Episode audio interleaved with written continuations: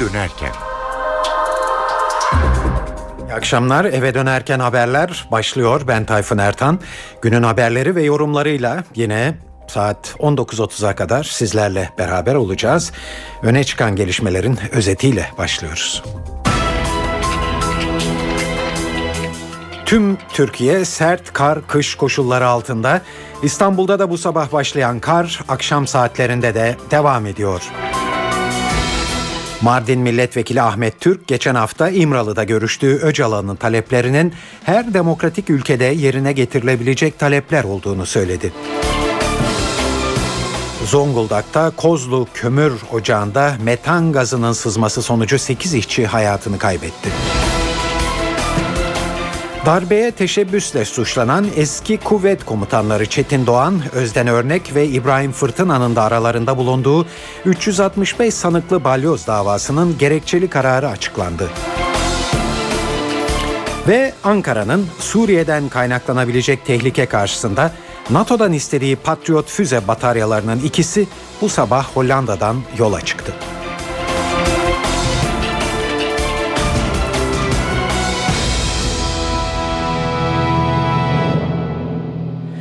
Şimdi ayrıntılara geçiyoruz.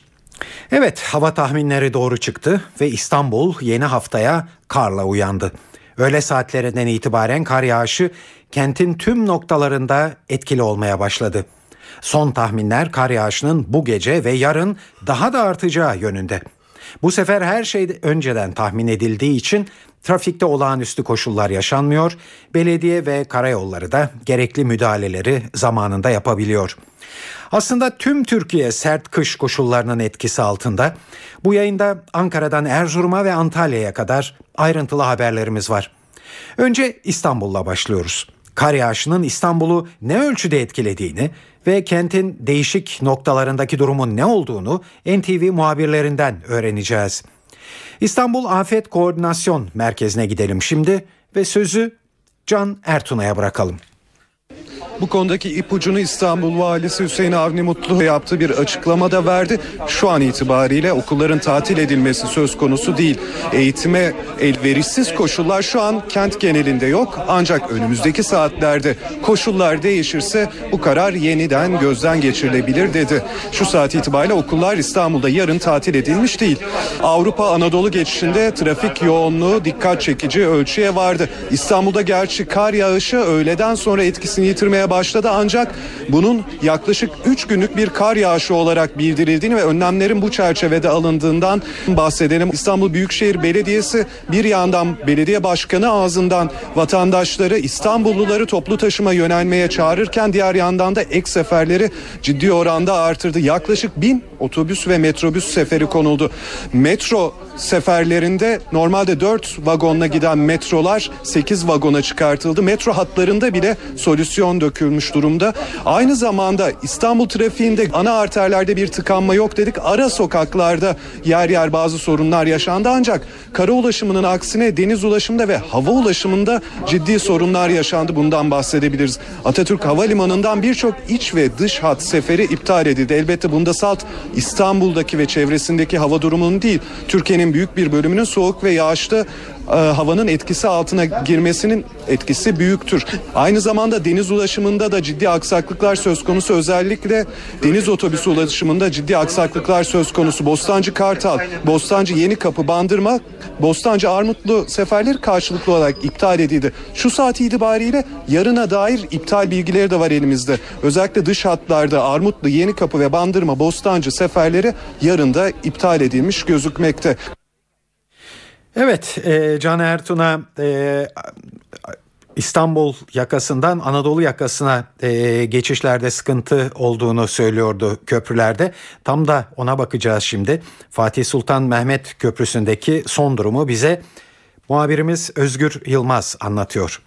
Avrupa yakasındayız. Fatih Sultan Mehmet Köprüsü'nü çok net gören bir yerden Vakıftepe'deyiz. Öncelikle şunu belirtelim. Şu anda bulunduğumuz yerde dondurucu bir soğuk var ancak İstanbul'da e, hava sıcaklığı sıfır derecenin üzerinde ve gelelim trafikteki duruma Fatih Sultan Mehmet Köprüsü'nü çok net bir şekilde görüyoruz dedik. Birçok iş yerinde mesai tamamlandı ve dönüş trafiği de başladı. Avrupa yakasından Anadolu yakasına doğru e, trafikte yoğunluk devam ediyor. Ancak Anadolu yakasından Avrupa yakasına trafik çok rahat bir şekilde akıyor. Aslında İstanbullular uyarıları dikkat, dikkate aldılar ve sabah saatlerinden bu yana olumsuz hava koşullarına rağmen İstanbul trafiğinde çok ciddi bir sıkıntı yaşanmadı. Sadece görmeye alışık olduğumuz bir trafik yoğunluğu var. Hatta normal günlerle kıyaslarsak daha düşük bir trafik yoğunluğu var. Ee, sabah saatlerinde işlerine İstanbullular çok rahatça gittiler. Toplu ulaşım araçlarını kullandılar ve dönüş trafiğinde de e, trafik çok ciddi bir sıkıntı yaşanmıyor ve uyarılar da önlemlerde devam ediyor. E, metro, metrobüs hatları ve İETT otobüslerinde ek seferler yapılıyor ve olumsuz hava koşulları süresince de bu ek seferler devam edecek. Kar yağışı önümüzdeki saatlerde de devam edeceği için İstanbulluların toplu ulaşım araçlarını kullanması isteniyor.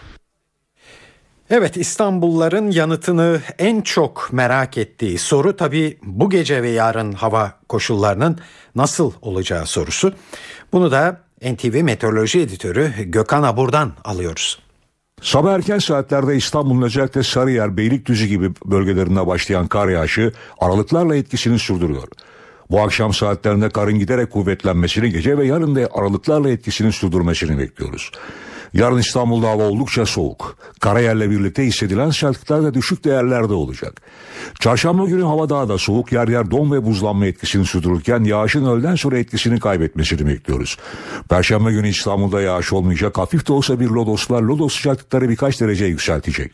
Cuma günü lodos sıcaklıkları yükseltirken beraberinde yeniden yağış getirecek ama bu yağışlar yine yağmur şeklinde yükseklerde karla karışık yağmur şeklinde olacak. Evet İstanbul'da durum böyle. Şimdi başkente uzanalım. Ankara'da da kar yağışı akşam saatlerinde etkisini arttırmış görünüyor. NTV Ankara İstihbarat Şefi Ahmet Ergen'i dinliyoruz. Meteorolojik tahminler Ankara'da bugün öğle saatlerinden sonra aralıklı ve hafif kar yağışına işaret ediyordu. Tahminler tuttu, beklenen oldu. Ankara'da kar e, etkisini hissettirmeye başladı. Yağış başladığı ilk dakikalarda daha şiddetli, daha sert olsa da şu anda devam ediyor ve şu ana kadar gerçekleşen yağışın bile etkisi Ankara'da trafikte kendini göstermiş durumda. Mesai saatinin sona ermesi ve okullarda son ders zilinin çalmasının ardından kar yağışının trafikteki etkisinin daha net görülebileceğini söylemek mümkün. Aslında Ankara Valiliği de e, bütün önlemlerin alınması için kamu kurum ve kuruluşlarını uyardı. Önceki gün e, bu tahminler doğrultusunda bütün kuruluşlara bir yazı gönderilmişti ve tüm kurumların kurumların araç ve personel e, durumlarını gözden geçirmeleri gerekirse ek tedbir almaları istenmişti. Valiliğin vatandaşlara yönelik de bir uyarısı var. Özellikle gece ve sabah saatlerinde buzlanma ve don olayı bekleniyor. Bu nedenle e, özellikle trafiğe çıkacak vatandaşlara bu konuda tedbir almaları yönünde uyarılar var. Bu hafta boyunca Ankara'da hava nasıl olacak? E, meteorolojik tahminler hafta boyunca kar yağışının devam edeceğini gösteriyor. Şiddetlenmese de hafif kar yağışı şeklinde, aralıklı kar yağışı şeklinde şeklinde yağışların devam edeceği yönünde tahminler var. Özellikle çarşamba ve cuma günü e, kar yağışının şiddetinin biraz daha artabileceğini tahminler doğrultusunda söyleyebiliriz. Hava sıcaklıkları eksi 6'ya kadar düşecek. Hafta boyunca tahminler çerçevesinde şunu söyleyebiliriz. Ulaşılabilecek en yüksek hava sıcaklığı da 2 derece olacak.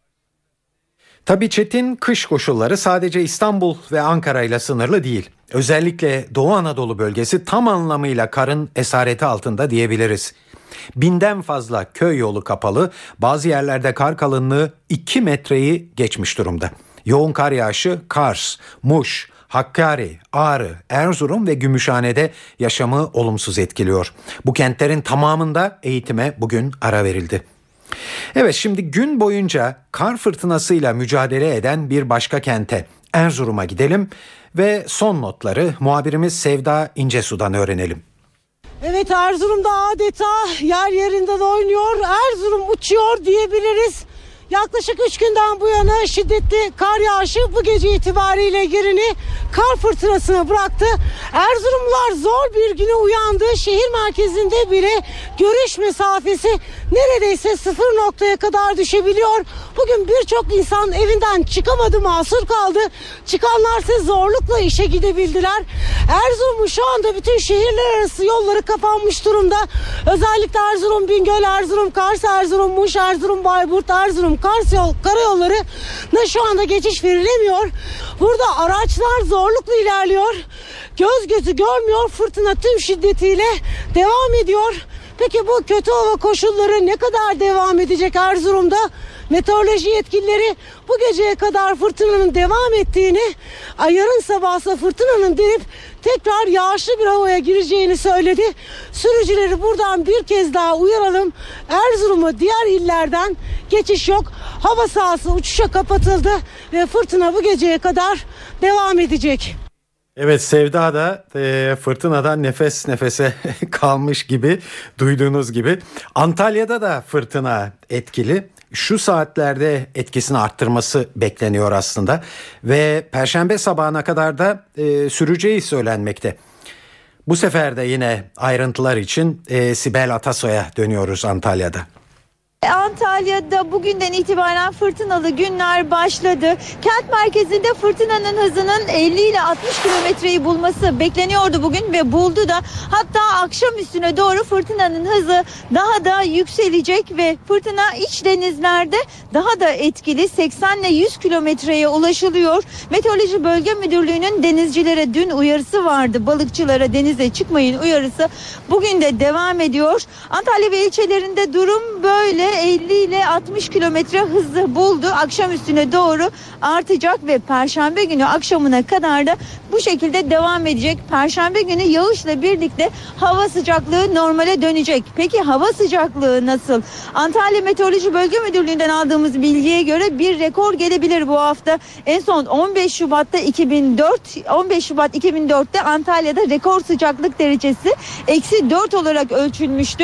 Salıyı çarşambaya bağlayacak olan gecede bu rekor bu, bu rekoru bulacak ve hatta daha da düşecek. Eksi 3 ile eksi 2 derece arasında sıcaklık bekleniyor ve meteorolojinin seralara, üreticilere seralarda özellikle tedbir almaları konusunda uyarısı var. Dona karşı bu çok önemli ee, ve gizli buzlanma da olabilir. Yine ilçelerde, yüksek ilçelerde buna karşı da trafiğe karşı da meteoroloji gizli buzlanmaya karşı uyarıda bulunuyor. Yine Antalya limanında gemileri görebiliyoruz. Demir atan gemiler de var ve sıcaklık perşembe günü normale dönecek. Evet tüm bu bağlantılardan da anlaşılıyor ki ağır kış koşulları tüm Türkiye'de etkili ve bir süre daha etkili olmaya devam edecek. Şimdi geneldeki e, hava tahminlerine e, bakalım. Acaba Türkiye'yi önümüzdeki günler ne bekliyor? Bölge bölge bir değerlendirelim. Bunu da tabii NTV Meteoroloji Editörü Gökhan Abur'dan yapmasını istiyoruz.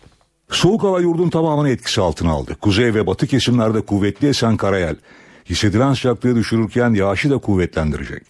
Çarşamba günü sıcaklıklar daha da azalacak. Cuma günü ise Lodos'la birlikte sıcaklıkların yeniden yükselmesini bekliyoruz.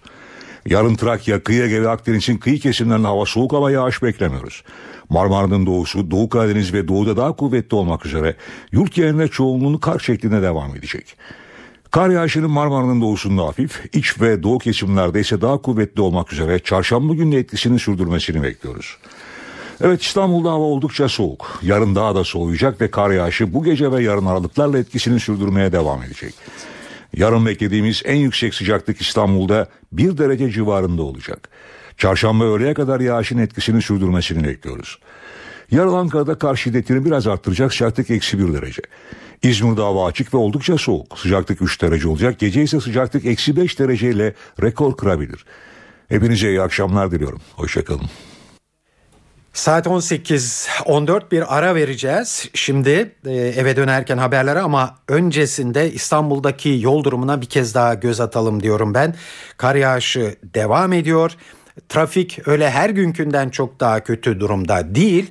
Çünkü bu koşullar bekleniyordu. Dolayısıyla herkes öncesinden önlemlerini almıştı. Durum kötü değil ama yine de e, yol durumuna hızla bir göz atalım. Büyükşehir Belediyesi Trafik Kontrol Merkezi'nden Murat Kazan Asması dinliyoruz. Trafikte taşıt sayısı azalınca trafik hareketleniyor. Özellikle diğer pazartesilerle kıyaslayacak olursak bu sabahın ve akşam saatlerinin biraz daha hareketli olduğunu söyleyebiliriz.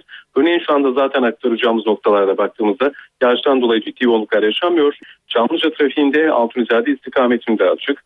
Altunizade'de köprü yönünde çok rahat ama köprü çıkışıyla yavaş yavaş Çamlıca istikametine doğru da etkili olan bir yoğunluk yaşanıyor. Fatih Sultan Mehmet Köprüsü'nün katılım noktalarında daha hareketli bir trafikle karşı karşıyayız. Şu anda Kavacık girişi köprü üzerinde yoğun trafiğin çok daha az olsa devam ettiğini söyleyebiliriz ama mümkün olduğu kadarıyla Anadolu yakasından Avrupa yakasına geçişte bu nokta kullanılmalı. Avrupa Anadolu geçişine baktığımızda köprü çıkışlarını da göz önünde bulundurarak Boğaziçi Köprüsü kullanılmalı. Neden? Çünkü Fatih Sultan Mehmet Köprüsü'nün çıkışında Kavacık'tan Ümraniye'ye kadar ciddi bir yoğunluk var.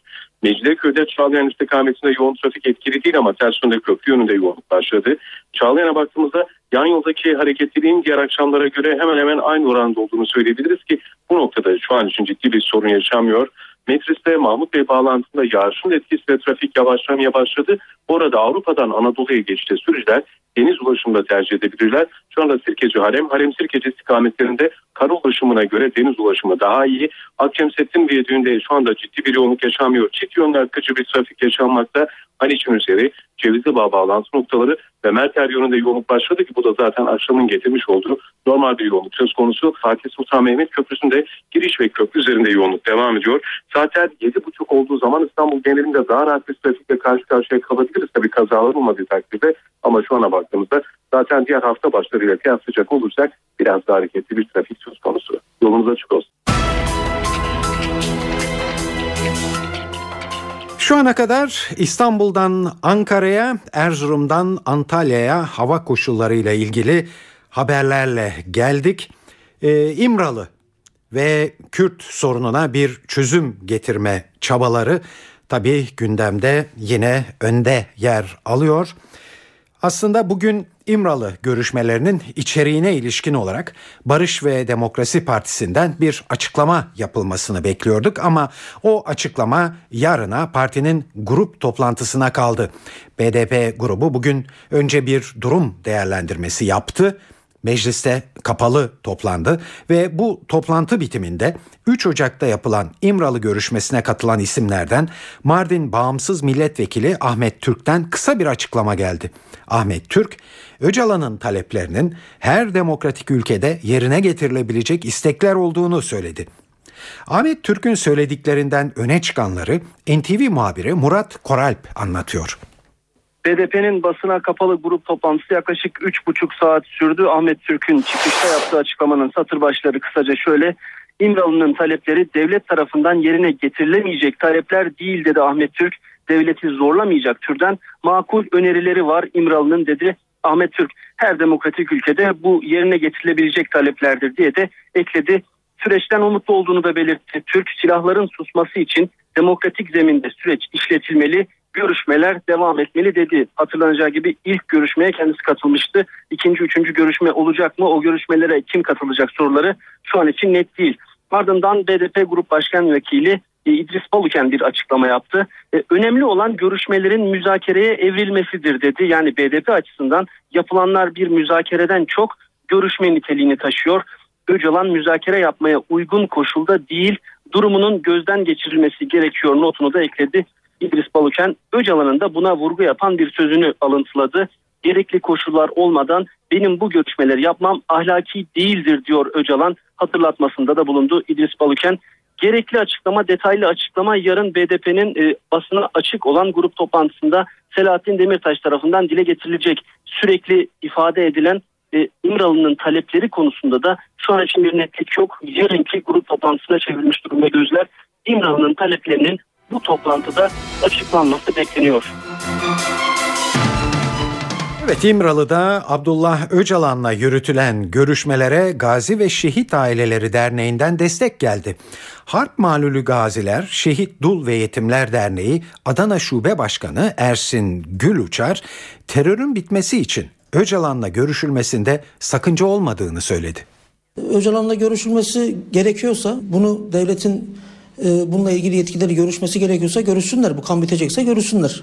Ama e, tabii bizim olmazsa olmazlarıma, olmazsa olmazlarımıza e, terörden dolayı mağdur olan şehit ailelerimiz ve gazilerimizin kırmızı çizgilerine, hassasiyetlerine e, özen göstererek, bizleri rencide etmeden, bizlerin verdiği bedellere, biz- bizlerin ödediği bedellere saygı göstererek e, bundan sonraki kanın durması için e, bir an önce görüşülüp e, bitirilmesini istiyorum. 2001 yılında Diyarbakır kırsalında PKK ile çatışmada dizinden vurulan şube Gül Uçar, kendisi gibi diğer gazilerle şehit ailelerinin tek isteğinin terörün bitmesi olduğunu vurguladı. Bunu bir e, polemik haline getirmemek lazım. Çünkü e, görüşülme sonucunda elde edilen bilgilerin değerlendirilmesi belki de ülkemizdeki terörü bitirecektir. Bence bu e, tür görüşmeleri istemeyenlerin vatandaşlığından şüphe etmek lazım. Bizler artık bu akan kanın durmasını istiyoruz. Ülkemizde 30 yılı aşkındır terör olayları var ve bu terör olaylarında e, vatan evlatlarımızı kaybettik. E, bundan ötürü de e, artık kimle görüşecekse görüşsünler. E, kimle ne yapacaksa yapsınlar ve bu terörü bir an önce bitirsinler. Şimdi konuyu Kürt sorunuyla ilgili uzmanlarla değerlendireceğiz. Kürt siyasetçi, yazar, Hakpar Genel Başkanı Kemal Burkay önde gelen bir isim tabii ki. Öcalan'la yapılan görüşmeleri olumlu buluyor.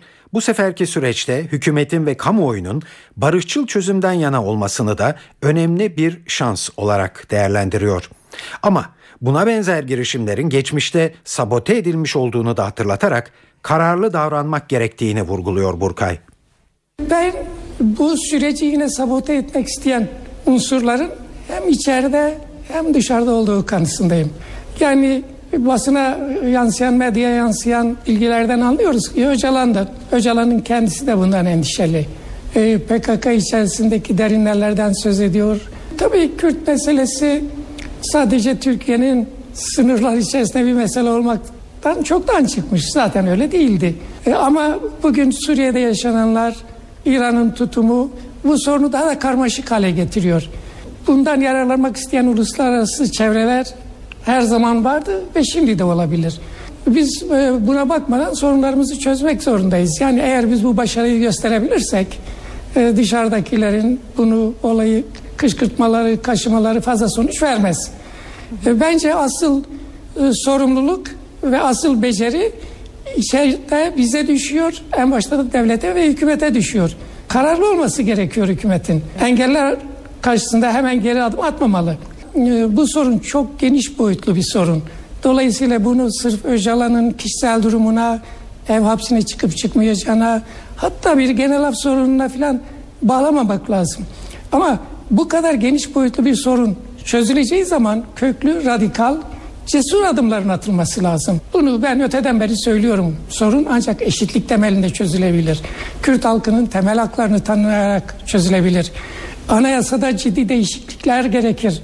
Ve bu olduğu zaman Öcalan'ın koşulları da elbet değişir. Bunlar küçük şeyler bana göre. Hatta bir genel af toplumda bunu anlayışla karşılar. Öylesine bir ortamda, öylesine bir konjüktürde. Evet Kemal Burkay'ın görüşleri böyle. Gelelim Stratejik Düşünce Enstitüsü Başkanı Profesör Yasin Aktay'ın değerlendirmesine. Aktay yeni sürece kamuoyu açısından ve Kandil'deki PKK yöneticileri açısından bakıyor. Önce kamuoyu ile ilgili görüşleri. tam anlamıyla do- doğru düz bir e, içerik veyahut da e, sonuca dair doğru düz bir e, bir tablo ortaya çıkmamışken bir takım çevrelerde hemen e, bu e, müzakere sürecinin devletin e, ör- terör örgütüne verdiği bir taviz şeklinde e, ve seri tavizler şeklinde hatta teslimiyet şeklinde yorumlanabilir. Oysa bu süreç e, büyük ölçüde de biraz e, PKK'nın e, son bir yıl içerisinde e, hedeflediği, umduğu, büyük kendine göre zafer yılı ilan ettiği 2002 yılının neredeyse bir hezimete dönüşmüş olduğu bir ortamda cereyan ediyor. Müzakere başladı diye hemen Öcalan'a neredeyse af veya e, ev hapsine alınması gibi yani kamuoyunun bu konuda belli bir duyarlılığının olduğu e, aşikar ama ben doğrusu kamuoyu diye bir şey yaratıyoruz ve o kamuoyundan biz korkuyoruz birazcık da. O korkuyu birazcık da biz aşılıyoruz. Aslında kamuoyu zannettiğimizden çok daha toleranslı. Kamuoyu aksine e, bütün bu konularda en uç teklifleri ve en uç e, örnekleri bile e, çok da fazla tepkisel karşılamıyor. Ama o kamuoyu adına birileri bir görüşü biraz daha iktidar konumuna yükseltebiliyorlar. Profesör Aktay az önce Kemal Burkay'ın da dikkat çektiği üzere bazılarının süreci en başından sabote etmeye çaba göstereceğini, özellikle de Kandil'de PKK yönetiminin merkezinde büyük görüş ayrılıkları bulunduğuna dikkat çekiyor. Kandil kendi içerisinde bir bütün değil. Yani nasıl sadece Kandil değil hep mevzu bahis olduğu zaman PKK kendi içinde bir bütün değil diyorsak e, Kandil hiç değil. Çünkü Kandil'de bir sürü unsur var. Kontrol edilemeyen unsurlar var. Elinde silah tutan bir takım unsurlar var. Her zaman için silahlı unsurları kontrol etmek bir takım siyasi partileri kontrol etmekten daha zordur. Çünkü elinde silah tutuyorlar ve her çeşit operasyona kabiliyetleri veyahut da niyetleri olduğu zaman e, süreci e, istedikleri istikamete çevirebilme enstrümanları var ellerinde oradakilerin. Kandil içerisinde bir takım e, unsurlar şey, şeyden çok farklı hareket edebiliyorlar. Diyelim ki Murat Karayılan'dan çok farklı hareket edebiliyorlar. Orada Duran, e, Duran Kalkan faktörü var, Cemil Bayık faktörü var, Bahoz Erdal faktörü var. Şimdi bütün bunlar e, her birisi ayrı bir telden çalıyor olabilir ve aslında Abdullah Öcalan e, Silvan saldırısından hemen önce e, 11 e, 11 Haziran seçimlerinden hemen sonra e, kendisiyle yapılan bir görüşmede bundan sonra artık silahlı mücadeleye gerek kalmadığı açıklamasını yaptığı zaman e, bunu e, ilk etapta sabote eden ve bu sözü neredeyse geçersiz hale getiren Abdullah Öcalan'ın otoritesini neredeyse hiçe saymak, onu onu ona karşı meydan okumak pahasına e, onu e, onu sabote eden Kandil'in içindeki bir takım unsurlar oldu. Açılım farklı boyutlarda da sembolik olarak sanki hız kazanmış gibi görünüyor. Güneydoğu Anadolu bölgesinde Siirt'in Aydınlar ilçesine tarihi adı Tillo geri veriliyor. AKP Siirt milletvekilleri Afif Demirkıran ve Osman Ören, Aydınlar ilçesinin adının Tillo olarak değiştirilmesini öngören kanun tekliflerini AKP Grup Başkanlığı'na verdi. İçişleri ve Adalet Bakanlıkları bu teklif için olumlu görüş verdi. AKP'nin kanun teklifini önümüzdeki günlerde meclis gündemine getirmesi bekleniyor.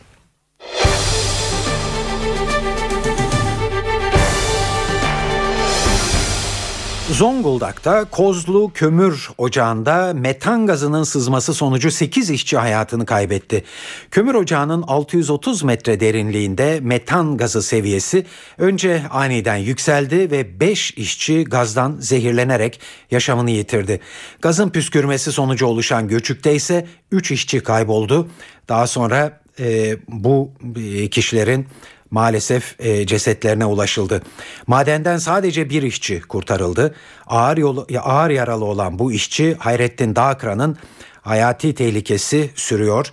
Çalışma ve Sosyal Güvenlik Bakanı Faruk Çelik olayın ardından Zonguldak'a hareket etti.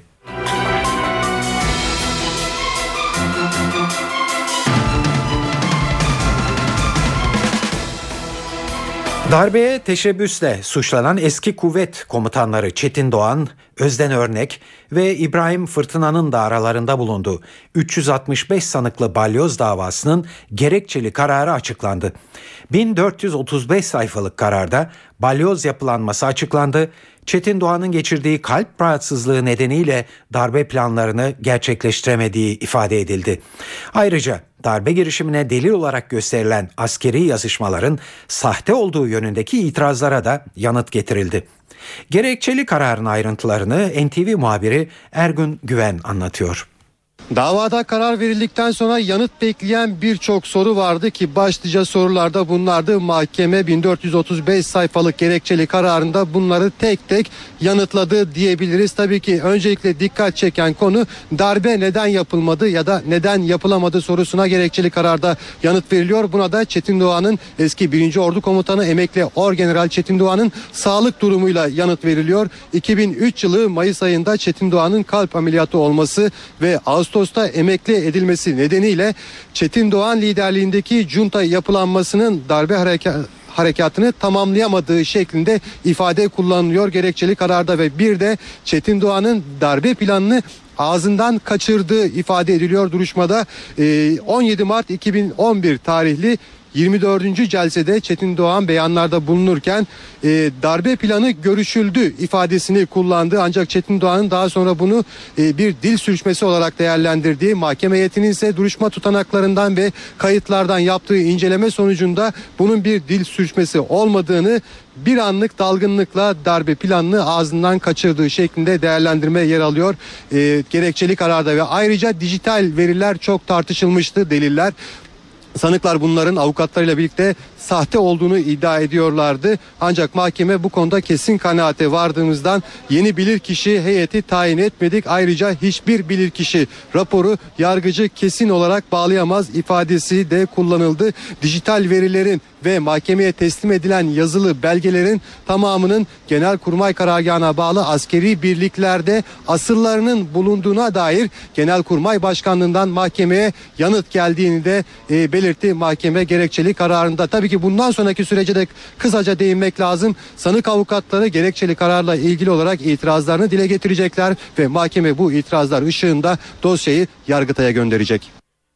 Evet gerekçeli kararla ilgili olarak genel bir e, hukukçu değerlendirmesi de yansıtalım sizlere.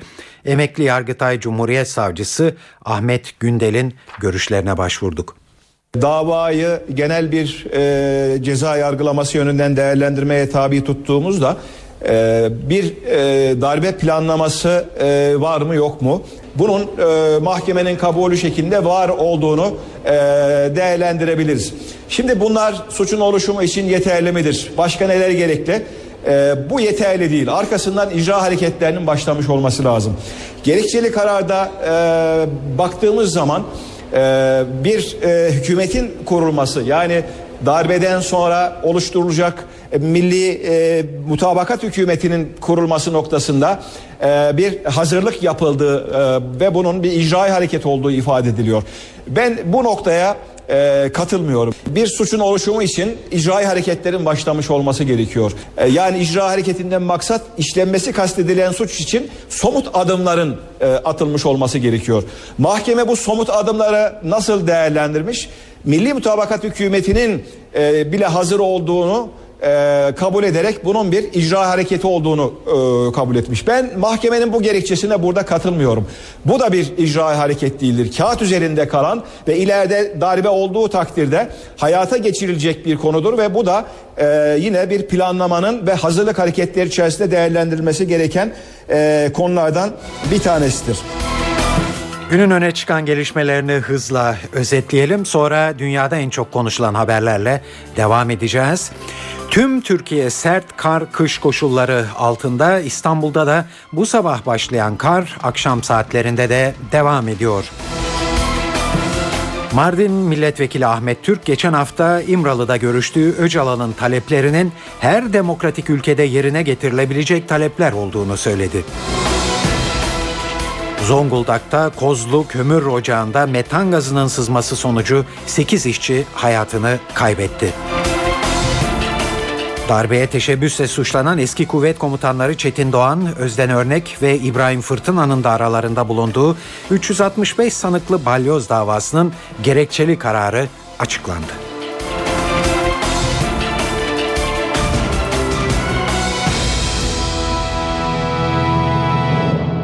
Şimdi dünyada en çok konuşulan haberlerle devam ediyoruz.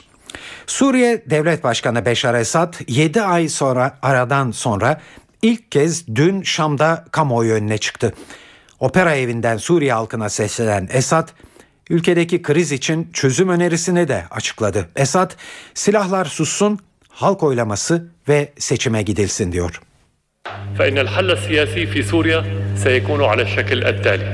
İlk aşamada muhaliflere sağlanan tüm destek kesilecek. Her türlü terör eylemi sona erecek. Bizim güçlerimiz de askeri operasyonlarını durduracak.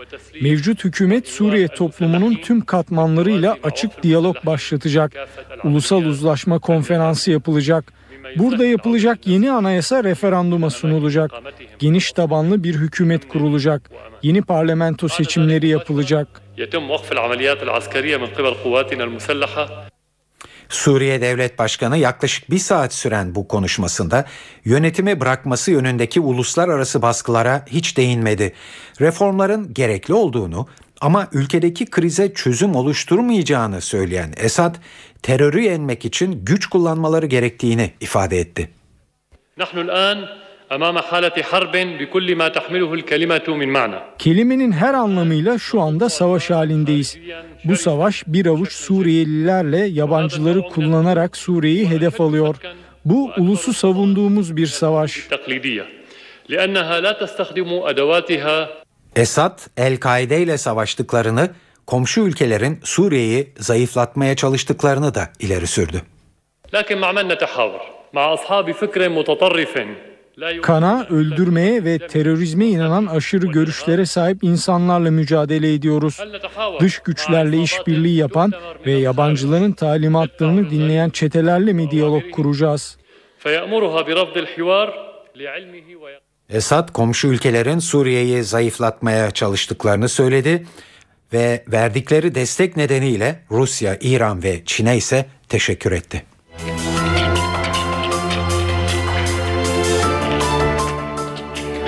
Amerikan siyasetinde bugünlerde en fazla konuşulan isim Chuck Hagel.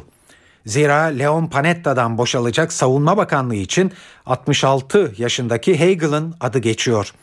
Eski bir cumhuriyetçi senatör olan Hagel, İsrail ve Yahudi lobisinin pek de sıcak bakmadığı bir isim. 1997 ve 2009 yılları arasında senatörlük yapan Hagel, Yahudi lobisinin kongre üzerindeki nüfusunu açık bir şekilde eleştirmesi ve bunun yanı sıra İran'a uygulanan yaptırım politikasını sorgulayan bir tavır sergilemesiyle hatırlanıyor.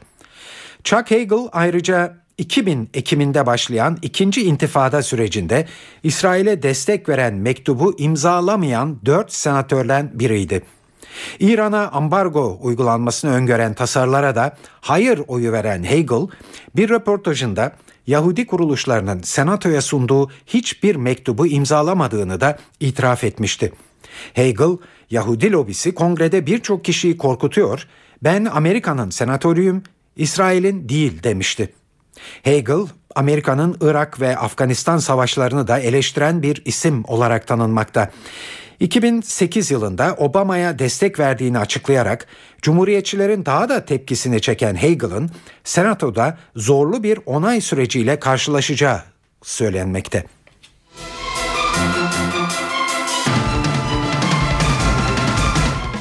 Hindistan'da bir otobüste yaşanan toplu cinsel saldırının yankıları sürüyor. Bültenimizde de duyurmuştuk. 23 yaşındaki üniversite öğrencisi genç kız 16 Aralık günü Yeni Delhi'de tecavüze, tecavüze uğramış ve ardından otobüsten atılmıştı. Genç kız yaklaşık iki hafta süren yaşam mücadelesinin ardından da hayata veda etmişti. Son olarak tecavüz kurbanı genç kızın isminin açıklanıp açıklanmaması gerektiği tartışma konusu oldu. Bakanlar Kurulu üyelerinden Shashi Tarur bundan sonra tecavüze karşı hazırlanacak yasaların toplu tecavüze maruz kalan genç kadının ismiyle anılmasını önerdi. Cinsel saldırıya maruz kalan genç kızın babası ise bir Hint gazetesine hükümetin böyle bir karar almasına itiraz etmeyeceklerini söyledi. Üzüntülü baba İngiliz gazetesi Sunday Times gazetesine de kızıyla gurur duyduğunu ve onun isminin benzer olaylar yaşayıp hayatta kalan kadınları cesaretlendirebileceğini ifade etti. Ancak Hindistan Ceza Kanunu tecavüz mağdurlarının isminin açıklanmasına izin vermiyor. Davaya bakan savcılardan Rajiv Mohan, aile üyeleri ismin açıklanmasını istese bile bunu yapmamız mümkün değil diyor.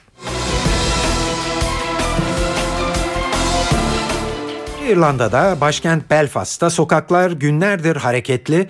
Bunun nedeni belediye binasına asılan İngiliz bayrağı ile ilgili karar. İrlanda yanlısı Milliyetçi Belediye Meclisi üyeleri geçen ay İngiliz bayrağının artık belediye binasına sürekli olarak değil sadece belirli günlerde asılması yönünde karar almıştı. Buna tepki gösteren İngiltere yanlıları sokaklara dökülerek gösteri yapmakta. Günlerdir devam eden olaylarda polis onlarca kişiyi gözaltına aldı. Kuzey İrlanda'da ayrılıkçı Katolik milliyetçilerle İngiltere yanlısı protestanlar ve İngiliz ordusu arasında 30 yıl süren çatışmalarda 3600 kişi yaşamını yitirmişti. Şiddet 1998'de varılan barış anlaşmasıyla son bulmuştu.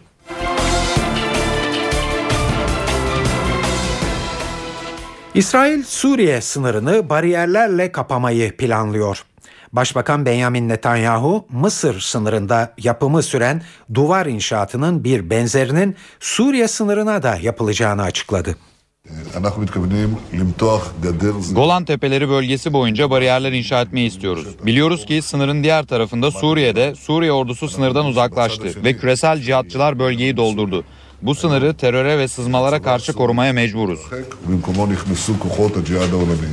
Netanyahu geçen yıl Mısır sınırına yapımına başlanan 5 metre yüksekliğindeki duvarın kaçak geçişleri ve militan sızmasını önlediğini de vurguladı. İsrail'in 200 kilometre uzunluğundaki Mısır sınırına duvar inşaatını büyük ölçüde tamamladığı belirtilmekte. İsrail, Batı Şeria sınırı boyunca intihar saldırılarını önlemek amacıyla duvar inşa etmişti. İsrail, güvenlik gerekçesiyle Lübnan sınırının bir bölümünü de duvarla kaplamıştı. İngiliz bilim adamları domates kabuğu kullanarak bir hap geliştirdi. Yeni hapın kalp krizi, felç ve kanser riskini düşürdüğü belirlendi. Ateronon adı verilen hap domateste bol miktarda bulunan likopen maddesini içeriyor. Vücutta antioksidan görevi yapan likopen kan akışını güçlendirip damar tıkanıklığı ve sertliğini önlemesiyle de biliniyor. Cambridge Üniversitesi'nde geliştirilen hapı domatesten ayıran likopenin kana çabuk karışmasını sağlaması. Yani vücut hapta bulunan likopeni domatestekinden daha çabuk emiyor. Böylece kalp krizi ve felç riski azalırken ağır ilerleyen kanser türlerine karşı da koruma sağlanıyor. Hapın klinik çalışmalarının tamamlanmasının ardından piyasaya sürülmesi beklenmekte. Domates hapını geliştiren ekip damar tıkanıklığı ve damar sertliğine karşı taze meyve ve sebze tüketiminin arttırılması tavsiyesinde de bulunuyor.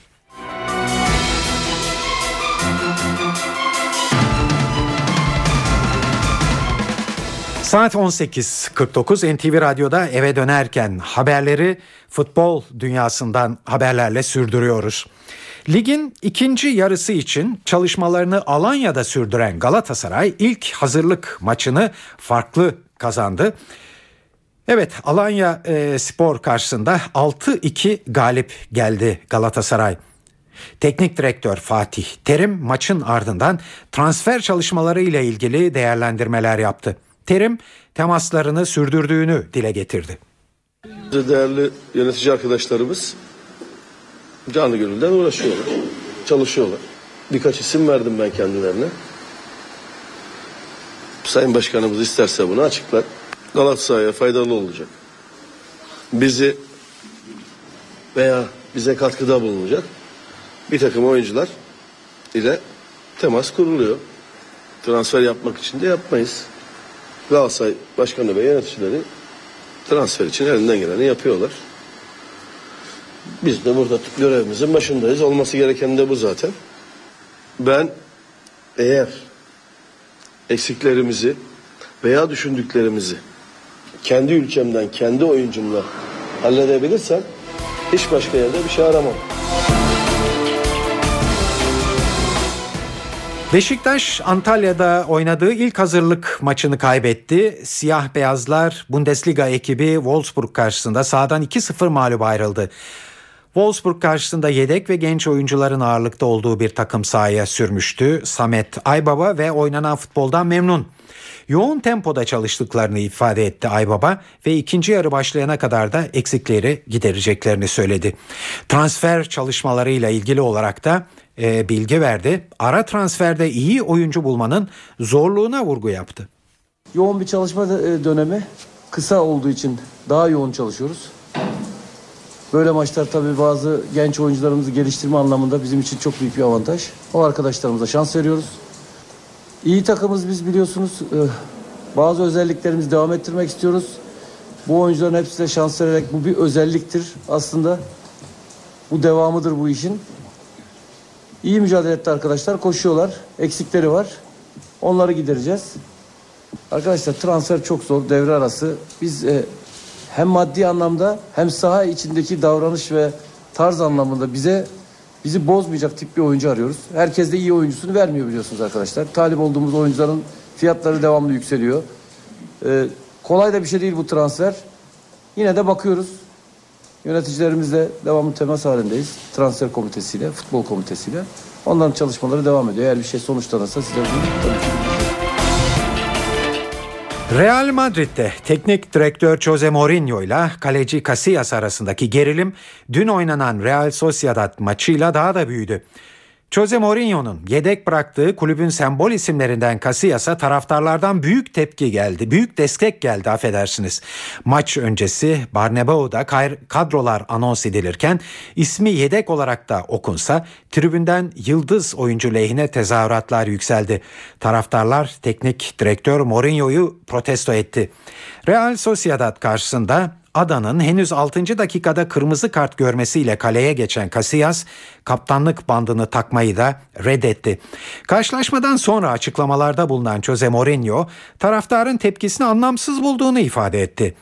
Portekizli teknik adam Casillas'ı yedek bıraktım diye beni ıslık, ıslıklıyorlarsa benim için bir sorun yok. Eğer kötü performanstan dolayı ıslıklıyorlarsa yeni sorun yok. Herkes anlamsız olmadığı sürece tepkisini göstermekte serbest diye konuştu.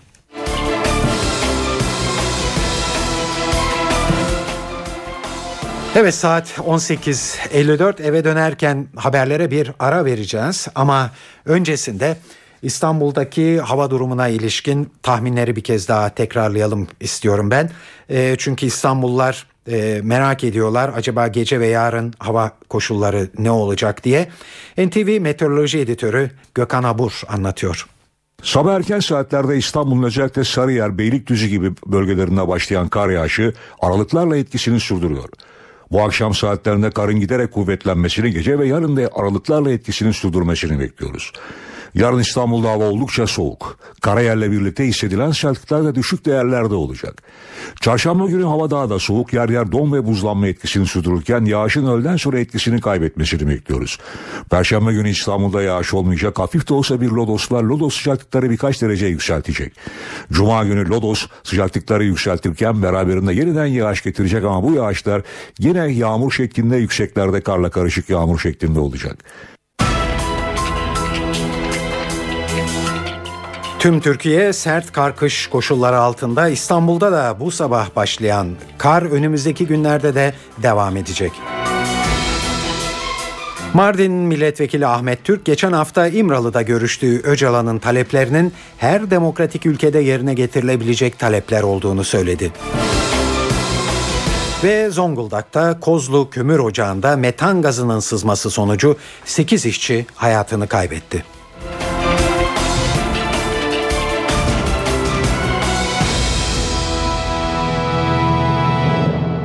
Şimdi ayrıntılar.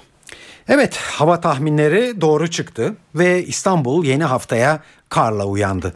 Öğle saatlerinden itibaren kar yağışı kentin tüm bölgelerinde etkili oldu. Son tahminler kar yağışının bu gece ve yarın daha da artacağı yönünde. Bu sefer her şey önceden tahmin edildiği gibi olduğu için trafikte olağanüstü koşullar yaşanmıyor, belediye ve karayolları da gerekli müdahaleleri zamanında yapabiliyor. Şimdi İstanbul Afet Koordinasyon Merkezi'nden sözü muhabirimiz Can Ertuna'ya bırakıyoruz. Bu konudaki ipucunu İstanbul Valisi Hüseyin Avni Mutlu yaptığı bir açıklamada verdi. Şu an itibariyle okulların tatil edilmesi söz konusu değil.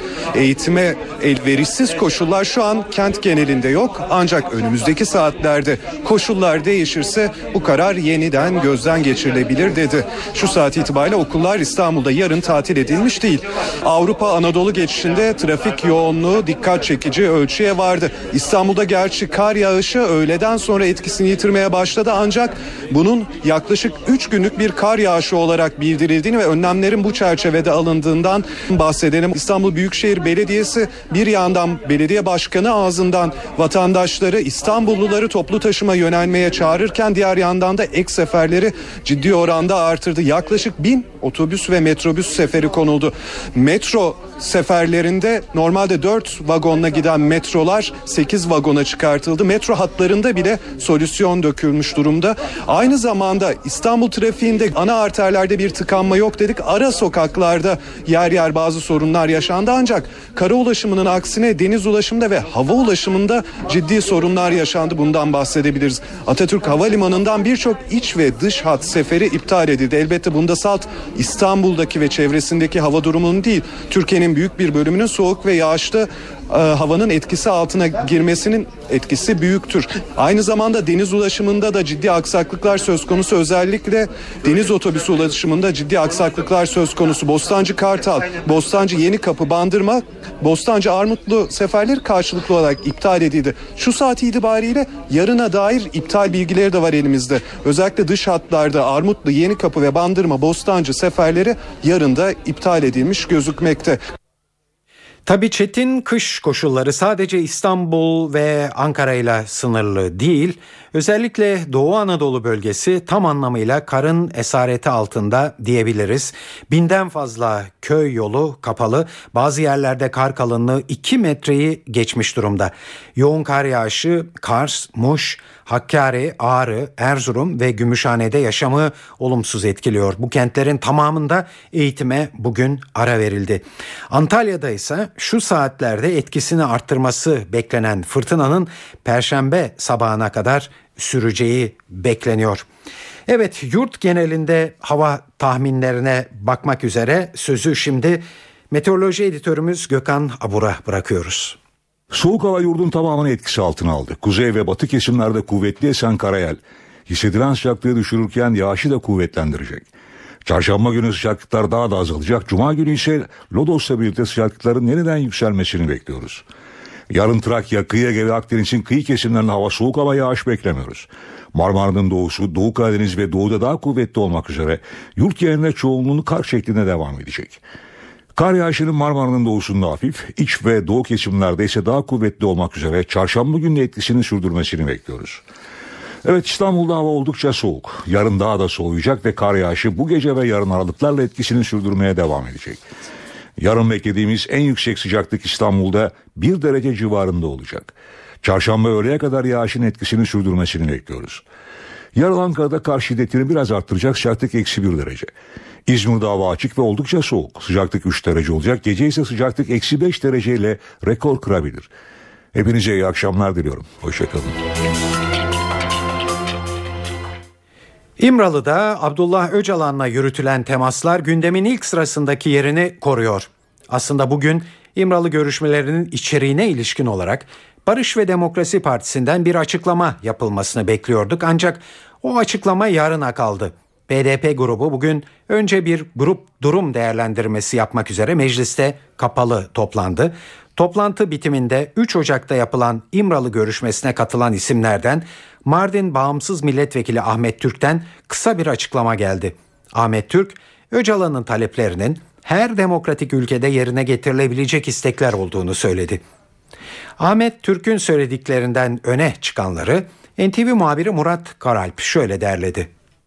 BDP'nin basına kapalı grup toplantısı yaklaşık 3,5 saat sürdü. Ahmet Türk'ün çıkışta yaptığı açıklamanın satır başları kısaca şöyle. İmralı'nın talepleri devlet tarafından yerine getirilemeyecek talepler değil dedi Ahmet Türk. Devleti zorlamayacak türden makul önerileri var İmralı'nın dedi Ahmet Türk. Her demokratik ülkede bu yerine getirilebilecek taleplerdir diye de ekledi. Süreçten umutlu olduğunu da belirtti. Türk silahların susması için demokratik zeminde süreç işletilmeli, görüşmeler devam etmeli dedi. Hatırlanacağı gibi ilk görüşmeye kendisi katılmıştı. İkinci, üçüncü görüşme olacak mı? O görüşmelere kim katılacak soruları şu an için net değil. Ardından BDP Grup Başkan Vekili e, İdris Baluken bir açıklama yaptı. E, önemli olan görüşmelerin müzakereye evrilmesidir dedi. Yani BDP açısından yapılanlar bir müzakereden çok görüşme niteliğini taşıyor. Öcalan müzakere yapmaya uygun koşulda değil durumunun gözden geçirilmesi gerekiyor notunu da ekledi. İdris Baluken Öcalan'ın da buna vurgu yapan bir sözünü alıntıladı. Gerekli koşullar olmadan benim bu görüşmeleri yapmam ahlaki değildir diyor Öcalan. Hatırlatmasında da bulundu İdris Baluken. Gerekli açıklama, detaylı açıklama yarın BDP'nin e, basına açık olan grup toplantısında Selahattin Demirtaş tarafından dile getirilecek. Sürekli ifade edilen e, İmralı'nın talepleri konusunda da şu an için bir netlik yok. Yarınki grup toplantısına çevrilmiş durumda gözler. İmralı'nın taleplerinin bu toplantıda açıklanması bekleniyor. Zonguldak'ta Kozlu Kömür Ocağı'nda metan gazının sızması sonucu 8 işçi hayatını kaybetti. Kömür ocağının 630 metre derinliğinde metan gazı seviyesi önce aniden yükseldi ve 5 işçi gazdan zehirlenerek yaşamını kaybetti. Gazın püskürmesi sonucu oluşan göçükte 3 işçi kayboldu. Göçükte sıkışan arkadaşlarından iyi haber almayı uman maden işçilerinin endişeli bekleyişi gelen ikinci kötü haberle yerini üzüntüye bıraktı. Çünkü Göçük'teki 3 işçinin cesedine ulaşıldı. Madenden sadece bir işçi kurtarıldı. Ağır yaralı olan işçi Hayrettin Dağkıran'ın hayati tehlikesi sürüyor. Darbeye teşebbüsle suçlanan eski kuvvet komutanları Çetin Doğan, Özden Örnek ve İbrahim Fırtına'nın da aralarında bulunduğu 365 sanıklı balyoz davasının gerekçeli kararı açıklandı. 1435 sayfalık kararda balyoz yapılanması açıklandı. Çetin Doğan'ın geçirdiği kalp rahatsızlığı nedeniyle darbe planlarını gerçekleştiremediği belirtildi. Ayrıca darbe girişimine delil olarak gösterilen askeri yazışmaların da sahte olduğu yönündeki itirazlara yanıt getirildi. Gerekçeli kararın ayrıntılarını NTV muhabiri Ergün Güven aktarıyor. Davada karar verildikten sonra yanıt bekleyen birçok soru vardı ki başlıca sorularda bunlardı. Mahkeme 1435 sayfalık gerekçeli kararında bunları tek tek yanıtladı diyebiliriz. Tabii ki öncelikle dikkat çeken konu darbe neden yapılmadı ya da neden yapılamadı sorusuna gerekçeli kararda yanıt veriliyor. Buna da Çetin Doğan'ın eski 1. Ordu Komutanı emekli Orgeneral Çetin Doğan'ın sağlık durumuyla yanıt veriliyor. 2003 yılı Mayıs ayında Çetin Doğan'ın kalp ameliyatı olması ve Ağustos Ağustos'ta emekli edilmesi nedeniyle Çetin Doğan liderliğindeki junta yapılanmasının darbe harekatı harekatını tamamlayamadığı şeklinde ifade kullanılıyor gerekçeli kararda ve bir de Çetin Doğan'ın darbe planını ağzından kaçırdığı ifade ediliyor duruşmada. 17 Mart 2011 tarihli 24. celsede Çetin Doğan beyanlarda bulunurken e, darbe planı görüşüldü ifadesini kullandı. Ancak Çetin Doğan'ın daha sonra bunu e, bir dil sürüşmesi olarak değerlendirdiği mahkeme heyetinin ise duruşma tutanaklarından ve kayıtlardan yaptığı inceleme sonucunda bunun bir dil sürüşmesi olmadığını bir anlık dalgınlıkla darbe planını ağzından kaçırdığı şeklinde değerlendirme yer alıyor. E, gerekçeli kararda ve ayrıca dijital veriler çok tartışılmıştı deliller. Sanıklar bunların avukatlarıyla birlikte sahte olduğunu iddia ediyorlardı. Ancak mahkeme bu konuda kesin kanaate vardığımızdan yeni bilirkişi heyeti tayin etmedik. Ayrıca hiçbir bilirkişi raporu yargıcı kesin olarak bağlayamaz ifadesi de kullanıldı. Dijital verilerin ve mahkemeye teslim edilen yazılı belgelerin tamamının Genelkurmay karargahına bağlı askeri birliklerde asıllarının bulunduğuna dair Genelkurmay Başkanlığından mahkemeye yanıt geldiğini de e, belirtti mahkeme gerekçeli kararında. Tabii ki bundan sonraki sürece de kısaca değinmek lazım. Sanık avukatları gerekçeli kararla ilgili olarak itirazlarını dile getirecekler ve mahkeme bu itirazlar ışığında dosyayı Yargıtay'a gönderecek. 28 Şubat soruşturması kapsamında tutuklu olan dönemin Genelkurmay 2. Başkanı Emekli Orgeneral Çevik Bir, Orgeneral Eşref Bitlis'in ölümüne ilişkin olarak soruşturma kapsamında ifade vermek için Ankara Adliyesi'ne götürüldü. Çevik Bir yaklaşık bir saat süreyle savcıya ifade verdi. NTV muhabiri Özden Erkuş'u dinliyoruz. İfade verme işlemi tamamlandı ve emekli orgeneral Çevik bir yeniden tutuklu olarak bulunduğu Sincan cezaevine cezaevi aracıyla götürüldü. Dikkat çekici detayla başlayalım. Eşref Bitlis soruşturması yaklaşık 40 gün sonra zaman aşımına uğrayacak. Çünkü olayın üzerinden 20 yıl geçmiş olacak. İşte bu sıkışık takvim dahilinde bu ifadenin alınmış olması dikkat çekici. Ankara Cumhuriyet Başsavcılığı 2010 yılında başlatmıştı Eşref Bitlis soruşturmasını. Eşref Bitlis'in 17 Şubat 1993'te şüpheli şekilde hayatını kaybettiği kazayı inceleyen soruşturma kapsamında geride bıraktığımız 3 ayda önemli bazı isimler de yine dinlenmişti. Bu kapsamda Mehmet Eymür dönemin Kara Havacılık Okul Komutanı Armağan Kuloğlu ve Yavuz Ataç gibi isimler dinlenmişti. Soruşturma yürüten savcı Hüseyin Şahin bu kez Çevik Kibir'i tanık sıfatıyla dinlemeye karar verdi ve bu kapsamda Çevik Bir Ankara Adliyesi'ne geldi. 28 Şubat soruşturması e, kapsamında tutuklu durumda bulunuyor bilindiği üzere Çevik Bir ve Çevik 1'e Eşref Bitlis Jandarma Genel Komutanı iken e, Kor, Kor General e, sıfatıyla Kor General rütbesiyle harekat başkanlığı görevini yürütüyordu. İşte bu döneme ilişkin sorular soruldu. İfade verme işlemi yaklaşık 45 dakika sürdü. Emekli Orgeneral Çevik bir olayın gerçekleştiği dönemde görev yaptığı yerleri anlattı ve olayla herhangi bir ilgisinin olmadığını söyledi. Bu ifade verme işleminin ardından Orgeneral Çevik bir emekli Orgeneral Çevik bir gazetecilerin de sorularını yanıtsız bıraktıktan sonra yeniden Sincan F tipi cezaevine döndü. Ankara'nın Suriye'den kaynaklanabilecek tehlike nedeniyle NATO'dan istediği Patriot füze bataryalarının ikisi bu sabah Hollanda'dan yola çıktı. Patriotları taşıyan gemilerin en geç 22 Ocak'ta Türkiye'ye ulaşması bekleniyor. Amsterdam muhabirimiz Orhan Alpdündar'ı dinliyoruz. Türkiye'de konuşlandırılacak iki Hollanda Patriot füzesi bu sabah yola çıktı. Hollanda'nın Groningen limanından askeri gemi ile yola çıkartılan Patriot'ların hava koşullarına göre 21 ya da 22 Ocak'ta Türkiye'de olması beklendiği açıklandı. Hollanda basınında yer alan bilgilere göre yola çıkan Patriot'ların kurulum çalışmaları ve gerekli kontrolleri yapacak bazı teknik askeri personelin de gemide olduğu bildiriliyor. Yapılan açıklamalarda 300'e yakın askeri personel de Eindhoven havalimanından yarın öğle saatlerinde uçakla Türkiye'ye hareket etmesi bekleniyor. Türkiye'de görev yapacak Hollandalı askerlerin bir yıl süreyle dönüşümlü olarak füzelere eşlik edeceği de alınan bilgiler arasında. Hollanda Patriotlarının koordinatları Hollandalı subayların denetiminde olacak ve füze füzelerin menzili Suriye topraklarının tamamını kapsamayacak. Sosyal Güvenlik Kurumu 2 milyona yakın emeklinin intibak düzenlemesinden kaynaklanan maaş farklarını internet sitesinden ilan etti. İlk kez Ocak ayı maaşlarına yansıyacak olan intibak farkları kurumun internet adresinden kimlik numarası girilerek öğrenilebilecek. 2000 yılından önce emekli olanlar arasındaki maaş farklarının giderilmesini amaçlayan intibak yasası geçen yıl çıkmıştı. Zamlı maaşların ilk ödemesi bu ay yapılacak. 2 milyona yakın SSK ve Bağkur emeklisi intibak kapsamında 10 lirayla 350 lira arasında maaş farkı alacaklar.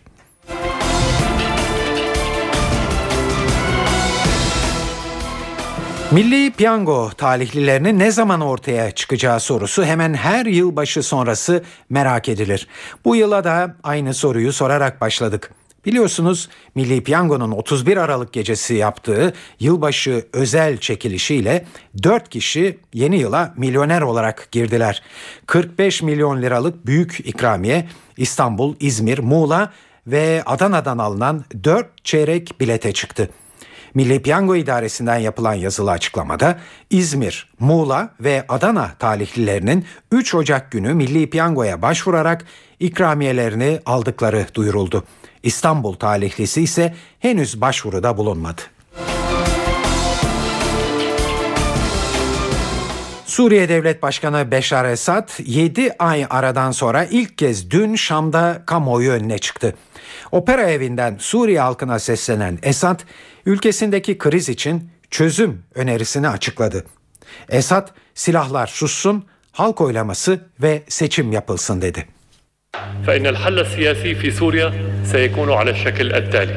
İlk aşamada muhaliflere sağlanan tüm destek kesilecek. Her türlü terör eylemi sona erecek. Bizim güçlerimiz de askeri operasyonlarını durduracak.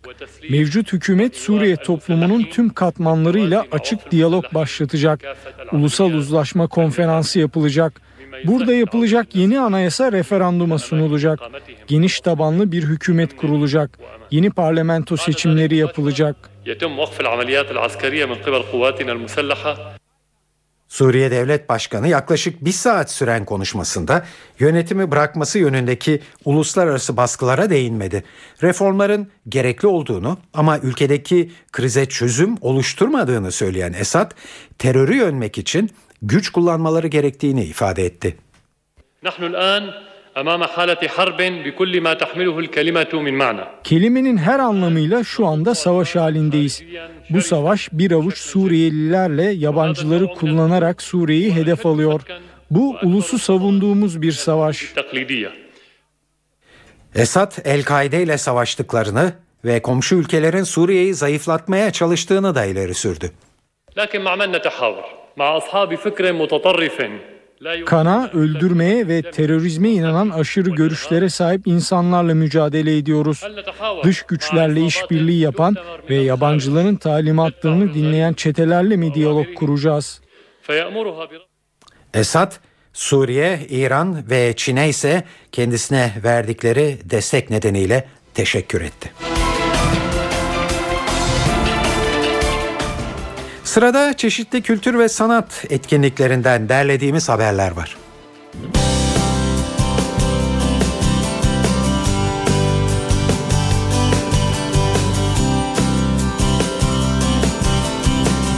Şenol Filiz ve Birol Yayla'dan oluşan yansımalar grubu bugün Nardis Jazz Club'da. Geleneksel Türk müziğini kendi tarzlarında yorumlayan grup sahneye 21.30'da çıkacak. Konser kariyerini ayrı ayrı sürdüren piyanist Hande Dalkılıç'la Rüya Taner ise bugün tek piyanoyla konser verecek. Solo ve 4 el piyano adını verdikleri konserleri Süreyya Operası'nda başlama saati ise 20. DOT ve Salon işbirliğiyle gerçekleştirilen iki kişilik bir oyunu da bugün Salon İKSV'de görebilirsiniz. Bir çiftin ilişkilerine bir şans daha vermesinin hikayesini anlatan oyunda Tan Temel ve Serhan Salihoğlu rol alıyor. Oyunun başlama saati 21. 6'dan sonra tiyatro grubunun sahnelediği Haz makamı da Beyoğlu'ndaki kumbaracı 50'de seyirci karşısında olacak bugün. Oyunda aynı apartmanda oturan dört kadının rutin hayatları içinde bilmeden de olsa kendi hazlarıyla oluşturdukları ortak bir makamın hikayesi anlatılıyor. Oyunun başlama saati 20.30. Ankara'ya geçelim. Çıkardığı her albümle kulaklarda hoş tatlar bırakan İnce Saz ekibi bugün ODTÜ Kültür ve Kongre Merkezi Kemal Kurdaş Salonu'nda konser verecek. Dilek Türkan'ın eşlik edeceği konser saat 20'de. Bu akşam CNBC'de Tina Fey'in senaryosunu yazdığı Mean Girls adlı film var. Fey'in kendisi için de bir karakter yazdığı film, 16 yaşına kadar evde eğitim görmüş Caddy'nin vahşi bir ormandan farksız lise ortamına ilk kez girişiyle tepe taklak olan hayatına odaklanıyor. Lindsay Lohan, Rachel McAdams ve Amanda Seyfried'in rol aldığı filmin başlama saati 22. E2'de saat 23'te Game of Thrones var. Star TV'de ise saat 20'den itibaren O Ses Türkiye adlı yarışma programını izleyebilirsiniz. Evet böylece bu akşamki eve dönerken haberler bu, e, burada sona eriyor. Bu yayınımızın editörlüğünü Onur Koçaslan, stüdyo teknisyenliğini İsmet Tokdemir yaptı. Ben Tayfun Ertan. Hepinize iyi akşamlar diliyoruz. Hoşçakalın.